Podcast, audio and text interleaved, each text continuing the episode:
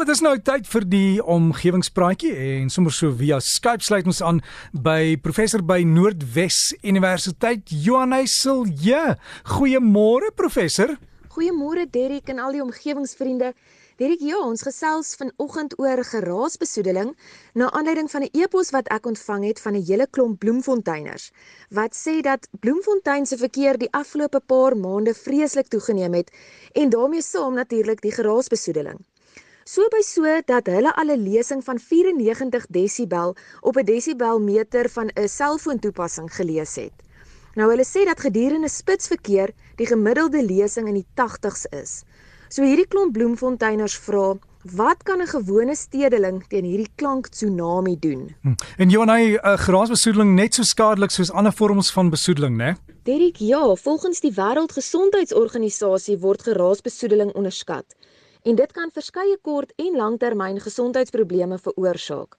Nou behalwe vir gehoorbeskadiging wat onomkeerbaar is, wys hulle navorsing dat die gemiddelde agtergrondgeraas in stede wat gewoonlik tussen 60 en 65 desibel is, al hoog genoeg is om jou bloeddruk, jou hartklop en stres te verhoog en tot konsentrasieverlies en slaapverlies te lei.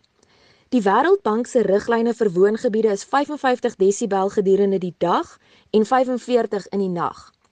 Hier in Suid-Afrika word geraasbesoedeling egter beheer deur die Wet op Omgewingsbewaring, Wet 73 van 89, wat duidelike riglyne vir geluidbeheer stel. Nou hierdie riglyne word deur ons provinsiale en die plaaslike owerhede toegepas en daarom verskil die toelaatbare vlakke afhangende dan nou van die spesifieke provinsie of area. Die meerderheid regulasies stel egter 'n limiet van 65 desibel in die dag wat baie minder is as die lesing van ons Bloemfontein se vriende. En Jonay, die geraasbesoedeling in stede gaan waarskynlik toenemend meer en meer word soos daar meer en meer voertuie op ons paaie is. Ja, Derek, die vervoer geraas neem toe want die aantal voertuie op die paaie as ook die verkeersdigtheid neem toe. Maar soos professor Callie Skooman die week vir my bevestig het, word die geraas in baie gevalle vererger deur die tipe padpleveisel en die spoed waarteen motors mag ry. Die verwagting is dat elektries aangedrewe voertuie baie van hierdie huidige geraasbesoedelingsimpakte veral op die langer termyn sal ondervang. Maar in die tussentyd sal daar dringend gekyk moet word na alternatiewe metodes om geraasbesoedeling te beperk, veral ook met die toename van hommeltuie en kunsmatige intelligensie wat 'n groter rol in ons stedelike realiteit begin speel en verder gaan bydra tot die geraasbesoedeling. Professor ons maak maar staat op die owerhede om al die reëls in plek te kry, maar jy weet ons self by die huis, wat kan ek doen om die geraasvlakke te beperk? Ons het basies twee moontlikhede om onsself te isoleer van die klank of die klank beter te absorbeer. Nou om te isoleer beteken ons probeer die klank in geheel blokkeer. So wanneer die vensters en die deure van 'n vertrek reeds toe is, kan mens verskeie materiale oorweeg om die mure en ook die plafonne beter te isoleer. Soortgelyk aan dit wat jy sou doen om jou woning meer energie-effektief te maak.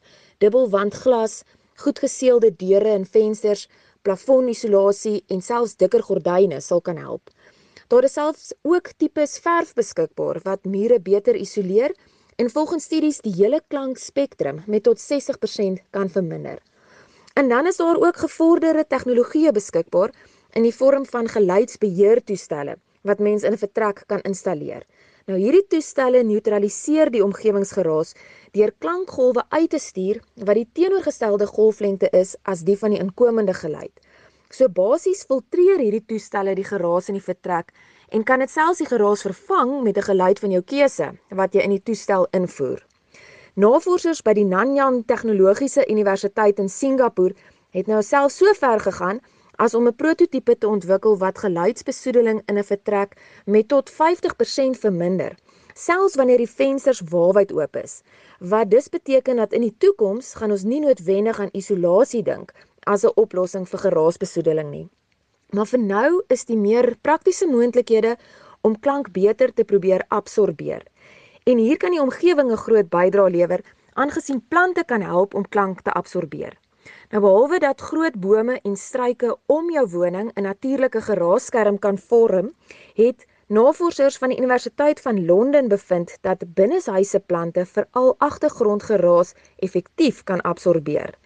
Hierdie studie het gewys dat die plasing van die binneshuise plante baie belangrik is en dat klank wat vanaf die mure weerkaats word, beter geabsorbeer word wanneer daar 'n klomp plante aan die kante van die vertrek geplaas is, as wanneer daar een groter plant in die middel van die vertrek is.